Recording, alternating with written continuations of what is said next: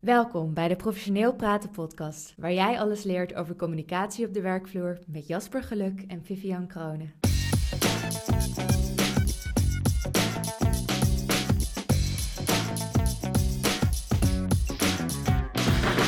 Welkom bij de podcast. Ik ben Vivianne Kronen en naast mij is Jasper Geluk. Hoi.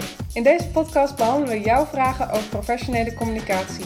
Dit is een speciale aflevering, want dit is het laatste deel van onze miniserie over de drie belangrijkste skills die je moet kunnen om beter te communiceren. Mhm. We hebben het al gehad over rapport en informeel leiderschap. Ja. Wat is de derde skill? De derde skill en de laatste skill is de aandacht echt helemaal bij de ander hebben. En meestal train ik dit zelfs als eerste skill. Alleen de vorige skills die we gedaan hebben met rapport en informeel leiderschap zijn iets praktischer om te bedenken van, oh ja, dat kan ik zo gebruiken. En aandacht bij de ander hebben is iets wat eigenlijk alles verbetert in je communicatie. En waar het op neerkomt is de meeste mensen zijn zoveel bezig met zichzelf dat ze niet doorhebben hoe een ander reageert. En eh, dat komt een beetje uit het nieuwe communicatiemodel, hè, waar we het wel eens over hebben. Het functioneel perceptiemodel is dat. Mhm. Dat de ouderwetse communicatie is, is het, is het zender-ontvanger model. Als je dat kent, het idee is dat je iemand hebt die zendt een bepaalde boodschap. En vervolgens gaat die boodschap door allerlei ruis heen. En dan krijgt een ontvanger de boodschap. Eh, op een andere manier dan dat hij gezonden is. Waarbij de implicatie is hè, dat, dat de ontvanger dus niet hem zo hoort als dat hij gezonden is, omdat er ruis is. Mhm. En de implicatie is een beetje dat het doel van jou als zender is om gewoon zo goed mogelijk je boodschap te zenden. En als jij maar goed genoeg gezonden hebt, dan is de rest aan de ontvanger om Mhm. je goed te, te kunnen horen. Ja.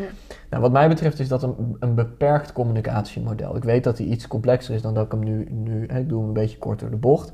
Maar ik denk dat het helpt om, om het iets te verrijken. Waarbij je in plaats van het rechtlijn, het eenlijnig maakt, dat je zegt oké, de communicatie begint bij mij Mhm. en hij eindigt ergens bij jou en zie maar wat je ermee doet. Mhm. Beetje kort door de bocht, maar daar komt het op neer. Als je in plaats daarvan zegt, ik zeg iets, ik communiceer iets, dat doet iets met jou. Mhm.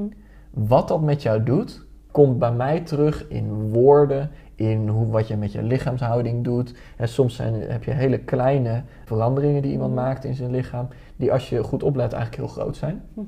Een voorbeeld wat ik graag eh, geef, een, eh, een, een, een challenge die ik vaak geef aan mensen die een, eh, startende training bij mij doen, eh, die, die geef ik graag de challenge van ga eens de volgende keer als je in de supermarkt bent en je komt een gangpad in waar maar één iemand in staat, opletten op die andere persoon. En die persoon gaat namelijk non-verbaal, dus met lichaamstaal onder andere, aan jou laten zien dat ze jou gezien hebben. Of erkend hebben dat jij het gangpad inkomt. Mhm. Dat betekent niet dat je als een psychopaat moet gaan stilstaan en die ander aanstaren. Dan is namelijk de reactie die je krijgt iemand die wegrent of de supermarktmanager of, de, of, of, of een, een plaatselijke autoriteit erbij roept om je, om je op te laten nemen. Bewaking. Ja, wat je doet is je loopt gewoon heel rustig het gangpad in en uit je ogenhoek ga je in de gaten houden hoe die ander op jou reageert. Wat je namelijk gaat zien is als je bijvoorbeeld nog heel ver van die persoon af bent en je komt het gangpad in, Mhm. dat die persoon misschien wel nog niet echt zo reageert, omdat die persoon je nog niet gezien heeft. Mm. In heel veel gevallen zul je zien dat ze al sneller dan je zou denken al hun lichaamstaal aanpassen aan je. Dat ze zeg maar net even iets, iets bewegen om te laten zien, hé, hey, ik heb je door. Nou, als je dan dichterbij komt, dus je komt bijvoorbeeld in het schap naast die persoon staan, moet je maar zien hoe die persoon, wat die persoon allemaal begint te veranderen in lichaamshouding, om te erkennen dat jij in de buurt bent. En dit is non-verbale taal. Dus dit is feedback die je krijgt en dit is gewoon door de evolutie heen zeg maar gekomen Mhm. dat het werkt als jij met jouw lichaamstaal aan iemand laat zien: ik zie dat je er bent. Daarmee laat je zien, hè, ik ben alert op dat je er bent. Eh, de- zeg maar, eh, eh, oerprincipes val me niet aan, want ik heb door dat je er bent. Mhm. Maar het is ook een soort vriendschap van: hey, ik zie dat je er bent. En dan geef jij, als het goed is, onbewust iets terug van: oh ja, ik heb ook door dat jij bewogen hebt. Dat is eigenlijk een soort, nog zonder dat je er woorden voor gebruikt: hey, hallo, hey, hoi, ik zie jou ook. Ja, dus daar sta je normaal gesproken eigenlijk niet echt bij stil, maar het gebeurt wel Ja, al. dat, dat gebeurt vanzelf. Of Ja. de- bijvoorbeeld misschien als je met het openbaar vervoer af en toe gaat, dan ga je in de bus of als je in een trein komt eh, en je gaat in hetzelfde eh, hokje zitten met iemand, weet je wel, in diezelfde eh, vier stoelen. Ja. Ehm, eh, of als de trein leger is in de vier stoelen die ernaast zitten, weet je wel, maar dat je wel in elkaars space zit, zeg Mhm. maar. Kijk maar eens hoe dat begroetingsproces gaat, onbewust. Het is super grappig. En ga het ook maar eens bij andere mensen zien. Als jij daar dan zit en dan komt er nog iemand anders nieuw de trein binnen. Zie maar hoe die andere persoon net even lichaamshouding verandert. En daarmee erkent, hé, hey, ik heb je gezien. Nou ja, om dat al waar te nemen, is al een super vette stap. Nou, meer dan 80% van de mensen doen dat niet. Dus die zijn alleen maar in hun eigen hoofd bezig met... oh, eh, ik moet dit nog doen, dat nog doen. Nou, dat is niet alleen als je in de supermarkt bent... dat je gaat van, oh, eh, ik moet dat halen... en dat je niks aantrekt van andere mensen. Ook al doet je onderbewustzijn dit wel. Mhm. Maar begin hier maar eens bewust op te letten. Dit doe je ook in communicatie. Ik heb eh, de laatste tijd veel training gevolgd van Chris Fast. Die heeft Mhm. voor, de, voor de FBI heeft hij negotiations gedaan... bijvoorbeeld in, in, in, als er ge- gegijzeld zijn in hostage situaties... Mhm. En ehm, hij heeft dat gewoon in het veld, heeft hij die dingen geleerd. En wat hij, hij omschrijft dat soort gesprekken. En dat zijn natuurlijk, eh, hij noemt dat high tension situations. Als er veel eh, op het spel staat. Eh, in dit geval levens vaak. Ja, ik kan me voorstellen dat het high tension is. Ja, En, en dat zijn momenten waarop communicatie best belangrijk is. Mhm. Ehm, eh, dat je goed communiceert. En nou, hij heeft dat geleerd, maar veel van die mensen die in die situaties zitten, hebben dat niet geleerd. Dus dat Mhm. zijn vaak mensen die niet veel opties hebben en dan dat maar gaan doen. Dus die een overval plegen en dan in een situatie komen waar ze de politie ze omsingeld heeft. Weet je wel? Ja. Omdat ze niet eh, het goed hebben en dat het niet goed is gegaan. Mhm.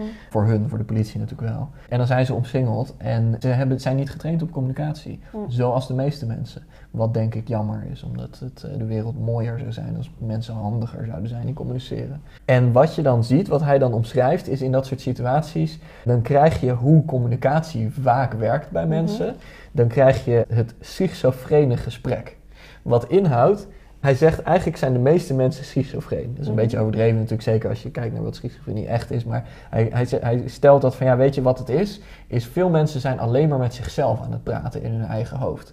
En dus die hebben een soort gesprek met zichzelf van oh nee, maar ik moet dit. Of die hebben bijvoorbeeld voorbereid wat ze gaan zeggen. Mhm. En hoe vaak heb je je daar wel niet schuldig aan gemaakt? Eh, Inclusief mijzelf. Ik heb eh, zo te vaak gesprekken proberen voor te bereiden door te zeggen: Oh ja, en dan wil ik wel dit zeggen. Weet je wel? Mhm. Dan bereid je zo'n zin voor die je dan wil gaan zeggen. Ja, dat jij herken herkent het ook ook, ja, hoor, ja. absoluut. Ja. En, en of weet je wel dat je een belangrijk telefoontje moet gaan doen. Oh, maar ik moet echt dit gezegd hebben of zo, Mhm. weet je wel. En, en hij zegt van mensen zijn zo bizar schizofreen wat dat betreft. Dan zijn ze alleen maar met zichzelf aan het praten. Alleen maar die zin of dat wat ze zelf willen gezegd hebben tegen zichzelf aan het Mhm. herhalen in hun eigen hoofd. En de woorden die ze dan vervolgens echt zeggen, staat los van het stuk communicatie. Zeg maar. Dat zijn gewoon een soort van woorden die logisch zijn als je het gesprek in hun hoofd zou volgen, Mhm. maar niet als je het echte gesprek volgt. Ja. En, en als je twee mensen bij elkaar zet in dat soort situaties die niet getraind zijn, Mhm. dan krijg je dus het schizofrene gesprek. Mhm. Dan zijn er twee mensen gewoon totaal los van elkaar aan het communiceren. Dit zie je vaak in ruzies. Oké, ja. Herken je het? Of, Ja, eh, ja. ja. ik, ik zit wel. Ja. ik denk dat, dat ik zie het volledig misgaan gewoon. Ja, nou dat is het dus. Dat is het dus. Omdat mensen gewoon totaal langs elkaar heen communiceren. Dus de een die, die zegt dingen die kloppen met de dingen in het hoofd van die persoon. En de Ja. ander zegt weer totaal andere dingen. En dus het zijn gewoon twee totaal losse gesprekken eigenlijk Ja. die gaande zijn dan. En dat komt omdat die twee mensen niks met elkaars feedback doen. Dat kunnen leren, om die, Mhm. dat open te breken. Mhm. Eh, wat hij zegt is wat hij doet als belangrijkste skill als een negotiator. Dus in die high tension situations Mhm. is je eigen brein stoppen met denken. Omdat als jij in jouw hoofd de schizofreen zit uit te hangen, ben je niet aan het luisteren. Mhm. Dus de hele skill, nou ja, je weet, dit is een van de skills die ik aan mensen train, Mhm. is, is begin Ja. met echte aandacht bij de ander hebben. Dus ik vind het altijd heerlijk als dan iemand die tien jaar lang eh, high-stakes situaties doet, zeg maar, en in het veld geleerd heeft, hetzelfde zegt. Het is Mhm. altijd fijne bevestiging dat het klopt wat ik, eh, wat ik mensen train. Want dit is wat hij zegt van, en, en hij is ook negotiators gaan trainen, zeg maar. Van het, het belangrijkste wat hij aan mensen leert, Mhm. is zet je gedachten uit. Luister helemaal volledig naar die andere persoon. Hoe ze dit bij de FBI doen, is met een team van vijf mensen. Ja. Dat betekent, hij zat aan de telefoon en vier andere mensen luisteren mee Hm. naar al die verschillende rijkheid en informatie die je kunt halen uit iemands stem, Ja. intonatie, woordkeus. Dus zoveel wat je kunt leren van mensen. Hm. En als je stopt met de schizofreen uit te hangen in je eigen hoofd, ja, en, en gewoon begin met echt te luisteren, eh, dan, dan is het niet eens zo heel subtiel. Hm. Dan zal het je verbazen hoe een open boek mensen soms zijn in wat ze graag willen of hoe je ze kunt, kunt helpen. En dan doen wat ze, dan zeg maar zo naar ze luisteren van oké, wat wil die persoon nu echt? Hm. En als je ze daarna dat geeft, dan ben je binnen. Dan zijn ze zo ontzettend blij. En in het geval, om, je, om een beetje het verhaal van de hostage negotiation voor je af te maken, in het geval van die hostage negotiation was het vaak begrepen worden. Wat heel raar is, omdat je denkt dat het gaat om geld. Of dat ze per se een auto in een minuut willen. Mhm. Weet je wel, ja, ik heb een auto nodig binnen 60 seconden, anders gaat er iemand neer. Weet je wel, dat idee. En in heel veel gevallen was dat helemaal niet zo. Mhm. Wat ze eigenlijk wilden op een dieper niveau, zonder dat ze doorhebben, is begrepen worden. Mhm. En zodra ze dat voor elkaar kregen, dat was wat, wat Chris dan zegt. Als je dit leuk vindt, Chris Voss, zoek hem op. Er zijn interessante dingen over. Wat hij zegt is van waar, waar je dan... Hij heeft een boek geschreven trouwens, als je het boek leuk vindt. Het is Never Split the Difference. Leuk boek om te lezen. Ik heb hem gelezen, het is, het is super vet. Ik heb hem twee keer gelezen zelfs. Dat doe je met goede boeken waar je wat van wil leren. Ehm, maar hij zegt dat hij uit is altijd op een that's right van de ander. Dus niet op een eh, you're right. Mhm. Wat je krijgt van, oh ja, nee, je hebt ook wel gelijk. Je hebt ook Mhm. gelijk. Dat is, dat is een soort van makkelijke manier om ervan af te komen. Van, oh, je hebt gelijk. Maar als je zegt, ja, dat klopt. Dan heeft iemand zichzelf, dan voelt iemand zich echt begrepen en gaan ze Mhm. helemaal open. En dat was vaak waar ze op uit waren. Dat, dat zo iemand met wie ze spraken, dus ze waren echt aan het luisteren naar wat speelt er nou echt voor die persoon. Mhm. Vervolgens gingen zij zeggen. Nou, als, je, als je al meer podcasts geluisterd hebt, heb je vast, of video's gezien hebt, heb je vast ook dingen langs horen komen over rapport. Eh, zoals in de, in de eerste podcast van deze miniserie. Eh, dat was de eerste skill die belangrijk is, is rapport.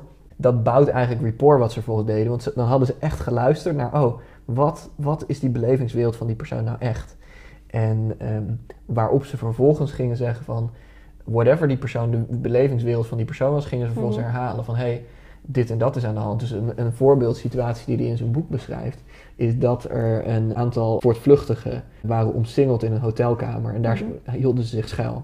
En ze wilden de hotelkamer niet uitkomen.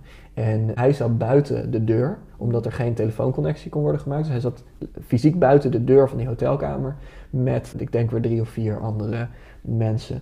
En het enige wat zij gedaan hebben, als ik het me goed ont- onthouden heb, eh, is zes uur lang.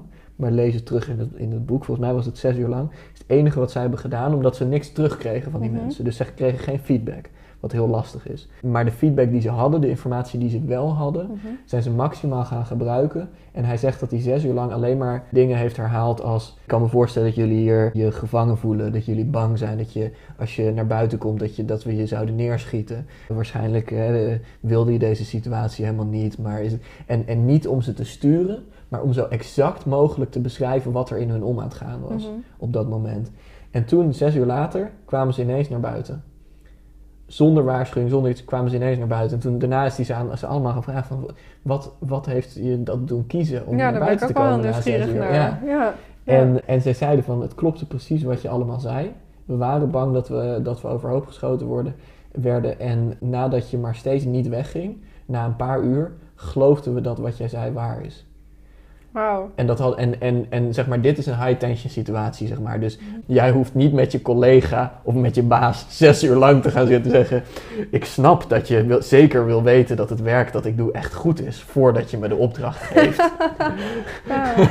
ja. dat hoef je niet zes uur lang voordat die baas zegt... Ja, dat is goed. Laten we ja, wat jij wilt doen. En Zeg maar, als het lower tension, als het zeg maar normale situaties zijn... kun je dit veel korter doen. En is de kans veel groter dat als je zegt... eh, eh, een van mijn mentoren, Anatol, die, je- die, je- die je kent... die is een keer, werd hij ingehuurd... Eh, volgens mij was dat bij de Rabobank. Toen eh, was hij een van de mensen die moest pitchen. Nou, Anatol en ik staan er allebei onbekend dat we nooit pitchen. Dus wij gaan nooit naar een bedrijf toe om, om onszelf te presenteren, zeg maar. Mhm. Wij worden altijd ingehuurd omdat mensen ons kennen en ons graag willen inhuren. Mhm. Dus een, een, een nogal luxe positie, maar het is, eh, dat is, het is wel fijn. Nou, hij, moest, hij ging toch wilde hij een keer gaan pitchen, want dat was een grote opdracht voor, eh, voor de Rabobank. Nou, ze kregen allemaal een, een half uur de tijd om een, om een pitch te geven, zeg maar. Al die, al die andere mensen, je zag niet die andere pitches, maar de dikke kans dat die andere mensen natuurlijk een soort strakke presentatie gingen geven. Van, ja, dit kan ik allemaal voor je doen Mhm. en wow, ik kan je teams veranderen en ik kan je dit allemaal leren. Het was voor een heel groot CEO-congres van ze, Mhm. van al hun directeuren kwamen bij elkaar. En Anatol is daar naar binnen gegaan en die heeft alleen maar gezegd, eh, volgens mij was, begon die zelfs met, als jullie het goed vinden, want jullie hebben waarschijnlijk een hele volle agenda en is het heel erg aan het proppen, denk ik dat we het ook in vijf minuten kunnen doen in plaats van een half uur. Is dat voor jullie fijner? Ja, ja, dat is al heel apart, omdat al die anderen gingen natuurlijk dan in plaats van 30 minuten gingen ze 35 of 40 minuten. Mhm. Oh, maar we hebben nog maar een paar sheets, kan het toch nog even? Mhm. Weet je wel, oh, weet je wel, heb je die weer. En, ehm, maar hij kwam met, eh, met ik denk dat het ook in vijf minuten kan. Is dat oké voor jullie? En vervolgens zei hij, eh, ik weet niet, ik was er niet bij toen, maar hij- ik sprak hem daarna. En, wat hij zei, het was iets als, waarschijnlijk zijn jullie gewoon aan het kijken naar wie je kunt vinden die jullie niet voor gek gaat zetten als je, als je ze voor je, al jullie directeuren zet. Dat je iemand moet hebben die je kunt vertrouwen, die niet allerlei rare dingen gaat uitroepen of zo, vreemde dingen gaat doen. Daarnaast is het heel raar als ik jullie directeuren ga trainen. Ik ben nooit een directeur geweest van de Rabobank. Hoe kan ik nou beter weten wat zij moeten doen dan zij zelf? Of dan jullie, als, als uh, was waarschijnlijk de raad van bestuur of een paar mensen daarvan, of HR-management. Hoe, hoe kan ik dat beter weten dan jullie? Maar wat ik wel kan, en dat is wat, wat Anton en ik allebei trouwens doen inmiddels in het bedrijfsleven, is ik kan van hun leren. Dus als ik één dag of een halve dag met een paar van jullie beste directeuren een rondje doe, dan kan ik vervolgens ontdekken, want ik weet over dingen hoe het brein werkt, Mhm. kan ik ontdekken wat hun zo goed maakt. En dat kan ik aan al die directeuren, al jullie directeuren vervolgens trainen. En als je wil, kan ik zelfs een QA-sessie doen dat we ze op het podium trekken. Die paar, paar beste mensen die jullie hebben. En dan kan ik sturen zodat jullie vragen kunnen stellen die interessant zijn, zodat de antwoorden eruit komen die gaan helpen om beter te worden. Mhm. Is dat een beetje wat, wat chill zou zijn voor jullie? En toen, nou ja, volgens mij kreeg hij eh, een paar uur later, toen alle pitches voorbij wa- waren, zeg maar, waar ze respectvol naar hadden zitten luisteren, een telefoontje dat hij het gekozen was, zeg maar. Ja. En dat komt doordat je begint met echt luisteren. En met alle feedback die je maar krijgt of hebt, iets doen. Dus in Ook plaats al is het dus maar in vijf minuten, in plaats van misschien een Al half is het uur maar vijf minuten. Als je die vijf minuten heel krachtig maakt, waarbij een van de dingen, die feedback die hij heeft, de, dat zie je gewoon als je met mensen werkt. Die, die, hè, als ik nu met een CEO werk, merk ik van ja, die heeft gewoon een volle agenda. Dus dan ga je geen tijd verneuken aan dingen. En dat is een van de feedback die je dan hebt. Van oh ja, dit zijn mensen met een volle agenda. Mhm. Die elke keer door iedereen weer nog meer tijd van gevraagd wordt. Ja. Dat is dan al feedback. Doe daar dan wat mee als je Mhm. dat weet. Doe iets met de informatie die je al hebt over iemand, over een situatie. Dan ben je zoveel flexibeler in je communicatie. Mhm. En dat is een beetje wat er achter die aandacht bij de ander hebben zit, is de mega flexibiliteit die je daardoor krijgt. Daardoor ben je niet meer afhankelijk van die ene boodschap die je wil zenden. Mhm. Of dat ene woord wat je wil laten overkomen. Of die ene zin. Of, hè? Ben jij flexibel omdat jij jouw message kunt aanpassen Mhm. op de persoon en op de reactie die die persoon geeft. En dan krijg je iets wat we een feedback loop noemen. Dat is iets wat rond blijft gaan. Dus jij stuurt een bepaalde boodschap met als doel niet om die boodschap gezonden te hebben, maar met als doel om een bepaald resultaat voor elkaar te krijgen. Mhm. Dus bijvoorbeeld dat iemand iets doet met wat je zegt. Dat is een, altijd een mooi resultaat. Mhm. En je blijft, zeg maar, dus jij zegt iets tegen die persoon, daarna krijg je feedback. Dus die zegt bijvoorbeeld, oh ja, nou dit en dat. Is die feedback wat jij wil? Dus klopt het dat hij dan aan het doen is wat jij, wat jij wil? Zo ja, top, dan ga je door naar het volgende. Zo nee, dan kun je je communicatie aanpassen. Op basis van de feedback die je gehad hebt. Oh, blijkbaar was het nog niet duidelijk genoeg. Dan zeg je het op een andere manier. Het enige wat vrij logisch is daarin, is als je het nog een keer op precies dezelfde manier zegt Mhm. de kans het grootst is dat je nog een keer dezelfde reactie krijgt. Dus het beste is om het dan op een andere manier te doen vervolgens. Om wel je resultaat te bereiken. En in veel gevallen heb je je resultaat pas echt helemaal bereikt als bijvoorbeeld het gedrag veranderd is. Mhm. Dus nou ja, dat is misschien een leuke, leuke afsluiting wat dat betreft. Hè, wij doen in onze training heel vaak training mensen niet alleen op het bewuste niveau, maar ook onbewust, zodat ze zonder dat ze het doorhebben al beter worden in communicatie. Dus een hele grote kans dat dat een bijeffect is van dat jij naar deze podcast aan het luisteren bent. En misschien ook wel die trainingsvideo's kijkt eh, die, die ernaast zijn, of de interviews die we ook doen op dit kanaal. Is dat jij beter aan het worden bent in communicatie. Nog zonder dat je bewust dingen doet. Omdat doordat je naar deze voorbeelden luistert en je hoort deze verhalen langskomen, traint jouw onderbewustzijn, zonder dat je daar heel hard voor hoeft te werken, om beter met mensen op te schieten en Mhm. beter met mensen om te gaan. Dus dat is al een heel chill bijeffect daarvan. Nou, wat ik altijd aan het doen ben, is dan ben ik aan het, ik ben aan het zoeken bij mensen die training bij mij hebben gedaan, Mhm. van is het, eh, is het aan het werken wat we toen gedaan hebben. En als ik mensen dan weer terugzie, wil ik altijd even checken of er wat gebeurd is Mhm. of het gelukt is. En zo kwam ik, eh, gisteren was dat, kwam ik iemand tegen die een, eh, bijna een jaar geleden in een workshop voor mij zat, Mhm. waarin we met angsten bezig gingen. Dus dat had niet zozeer met communicatie met anderen te maken, maar meer met communicatie met jezelf. Dus er zijn heel veel mensen die laten zichzelf tegenhouden Mhm. door angsten, bijvoorbeeld voor je, weet je wel, als je met je baas moet praten of als Mhm. je moet presteren voor een groep. Met En- angsten die je jezelf aanpraat Ja. eigenlijk. ja, dus dat zijn dingen in je eigen hoofd dat je gaat, ah nee, wat als ik dan word afgewezen, weet je wel, ja, dat soort ja, dingen. dat. Ja. Ehm, en dat doe ik dan altijd door met een, met een hele concrete angst te oefenen. Dus Mhm. nou ja, hier hebben we een super grappig voorbeeld. Ja, jij hebt het ook, eh ja. Jan is hier ook bij geweest. Eh, ja, toen, toen, ehm, toen eh, ik, ik regel dan echte slangen. Uh, omdat dat was echt totaal geen angst hoor voor mij. Nee, nee, nee, nee, tuurlijk. Bespeur hier het sarcasme. um, uh, het, en, omdat je dan heel concreet kunt oefenen met iets. Ja, en, dat was nou wel goed. Ja, nou ja, het heeft gewerkt. Dus, dus het is in het interview wat je een keer eerder met mij gedaan hebt, heb ik een paar foto's. Mm -hmm. Er zitten een paar foto's van. Van heel heel bang gezicht. Ja, en, en, daarna heel chill met ja. de omheen. Ja, dus dat is het resultaat. En dat is omdat je dan begint beter te communiceren met jezelf. Nou, zij was daar ook geweest bij die, uh, bij die workshop. En dus dat is drie kwart, drie kwart jaar geleden. En Claudia is dat trouwens. En um, Claudia die was daar geweest en ik, ik vroeg aan haar van... hey, hoe is het er daarna gegaan? Heb je nog iets mee gedaan? En toen, meestal krijg je dan de reactie van, nou ja, nee, eigenlijk niet echt. Want dan zijn ze aan het zoeken of ze bewust iets ermee hebben gedaan. Mhm. Nou, en als je dan een beetje, zeg maar, dan laat je het een beetje sudderen, zeg maar. En dan een paar minuten later, zoals in dit geval ook was, toen draaide ze naar mij toe en zei, hé, hey, wacht even, wat je net zei, ik ben me ineens aan het bedenken. Want ze had het toen ik het voor de eerste keer vraagde, zei ze, ja, ja, nee, ik was bang voor honden en ik ben nu iets minder bang voor honden of oh zo. Oh, ja, dat je denkt, oké, Sure, dat, uh, fijn. Dat is echt een levensveranderend iets geweest. uh, en toen zei ze ineens: Oh nee, wacht even. Ik, ik bedenk me ineens. Ik heb anderhalve week geleden, of uh, twee weken geleden, heb ik een, deze laten zetten. En toen liet ze zeg maar zo'n oorbel zien. Niet in, daaronder, maar zo daar iets hoger in je oor. Mhm. En dat wist ik niet. Mijn kennis over oorbellen is niet groot, maar dat schijnt extreem pijnlijk te zijn mhm. daar. En dat wilde ze al heel lang. Uh, maar daar was ze altijd bang voor, omdat ze dacht dat ze had een levenslange angst voor naalden en dat soort dingen. Dus ze, mhm. ze durfde dat niet, terwijl ze het eigenlijk heel graag wilde. Dus die angst liet ze zich tegenhouden, niet zoals ze graag wilde. En toen zei ze, ja, ja, je had het over dat fuck it moment, wat een belangrijk deel is van over mm. angsten heen stappen. Dat je gaat, fuck it, ik ben klaar met mijn angst. Ik doe het gewoon. ja, ik doe het gewoon. Toen zei ze, ja, daar heb ik eigenlijk nog best wel vaak aan teruggedacht, nu ik er zo over nadenk. Dat het ineens weer in mijn leven terugkwam. En onder andere, dus een paar weken terug, toen ik dacht aan, hé, hey, ik wil eigenlijk die piercing. Of die, eh, heet dat dan nog een oorbel als die daar zit? Nou, in ieder geval dat ze dat ding wilden hebben. Ik heb er ook niet zoveel verstand nee, van. Nou, in ieder geval maar gewoon, uh... ergens, midden, ergens midden in je oor. Ja. En, uh, en toen zei ze, ja, en toen dacht ik ineens weer terug aan jouw training. En toen dacht ik, fuck it, ik doe het gewoon. En toen is ze het gaan doen. En toen ook nog, toen ze zeg maar dat ding ging laten zetten, zei ze nog dat ze nog heel vaak aan terugdacht op die dag zelf. Van oké, fuck it, ik doe het gewoon, ik zet gewoon door. En daar was ik zo blij mee, zeg maar. Toen had ik echt zoiets van, oh, gelukkig, het heeft gewerkt. En ik zei ook tegen haar van, ja, dit is voor mij het bewijs dat, dat er iets aan het werk is in je. Mhm. Omdat uh, ik weet hoe breinprocessen werken en hoe je iets kunt starten, een gedachte.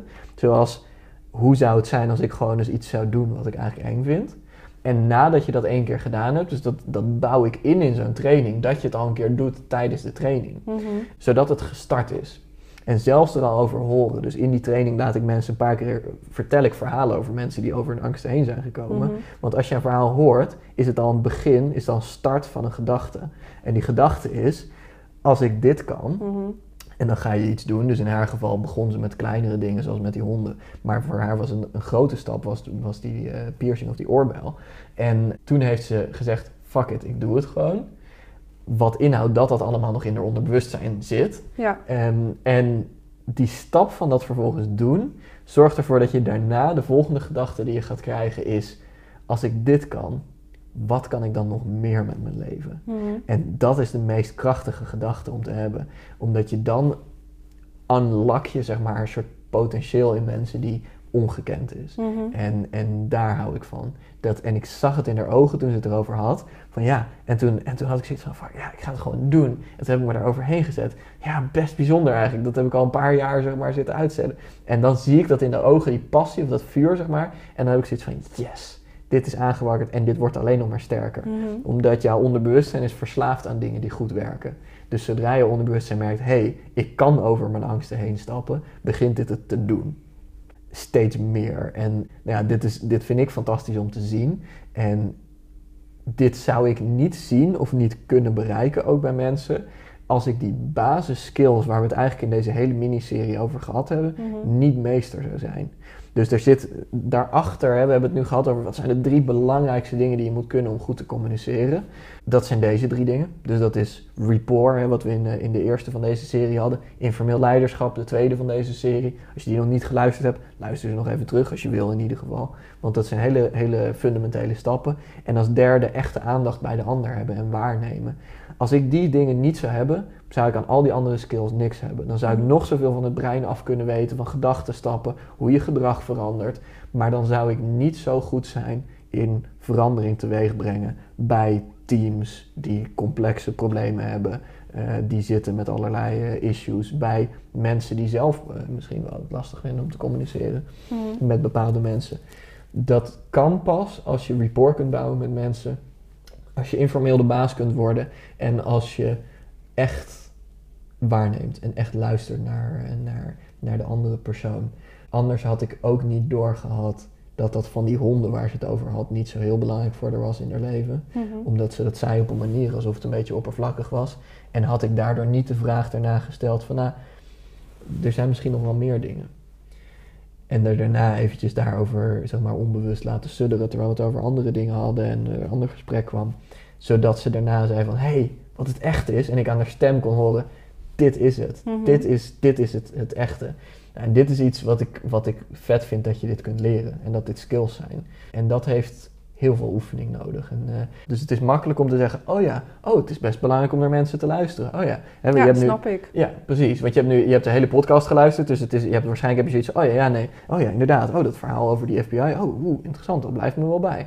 Maar dat is het intellectueel begrijpen. Mhm. En dat kun je ook met rapport en informeel leiderschap hebben gehad. Dat je zoiets hebt van, oh ja, nee, nu snap ik het wel. Maar dat is eigenlijk net zoiets als, als het gaat over dat FBI-verhaal. Je hebt gelijk. Eigenlijk zeg je dan tegen deze, deze skill, oh ja, dat klopt, je hebt gelijk. Of meer, je hebt gelijk dan dat klopt.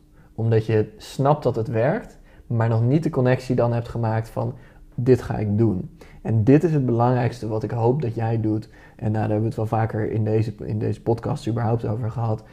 Het hele punt is niet dat je deze podcast luistert en dat je, dat je die trainingsvideo's allemaal kijkt. Ik bedoel, dat is goed. Daardoor krijg je meer informatie, word je er beter in. Maar het hele punt is dat je hiermee oefent en dat je deze dingen gaat doen. Want het is makkelijk om te begrijpen. Om het echt te doen, vergt heel veel oefening. Uh, maar het is wel heel leuk, want je wordt er steeds beter in. En ieder stapje dat je zet, geeft je resultaat. Net iets beter worden in, in waarnemen en observeren, zorgt er dat je gaat, wow, het is zo weird dat andere mensen dit niet doorhebben. Dit is toch zo obvious. Ja, dat is echt heel cool. Ja, want je ziet het steeds Ja. meer. Je hoort steeds meer mensen die dingen zeggen dat je denkt, oh, dit is gewoon, oh, huh, waarom hebben andere mensen niet door dat dit gewoon is wat die persoon wil? Mhm. En dan geef je het daarna en dan merk je dat ze heel blij met je zijn. Ehm, en bouw je ineens ongekend rapport, waardoor, je, waardoor collega's naar je toe komen. Hoe kan het toch dat jij altijd zo goed omgaat met klanten of met die ene collega? Dat is echt bijzonder. Mhm. Ja, dat is misschien bijzonder. Of het is gewoon dat jij even ervoor je best voor hebt gedaan. En even een skill geleerd hebt waardoor dit kan. Mhm. En net zo goed met informeel leiderschap. Dus begin met die dingen oefenen. Zeker train en blijf, blijf eh, dingen, nieuwe dingen leren.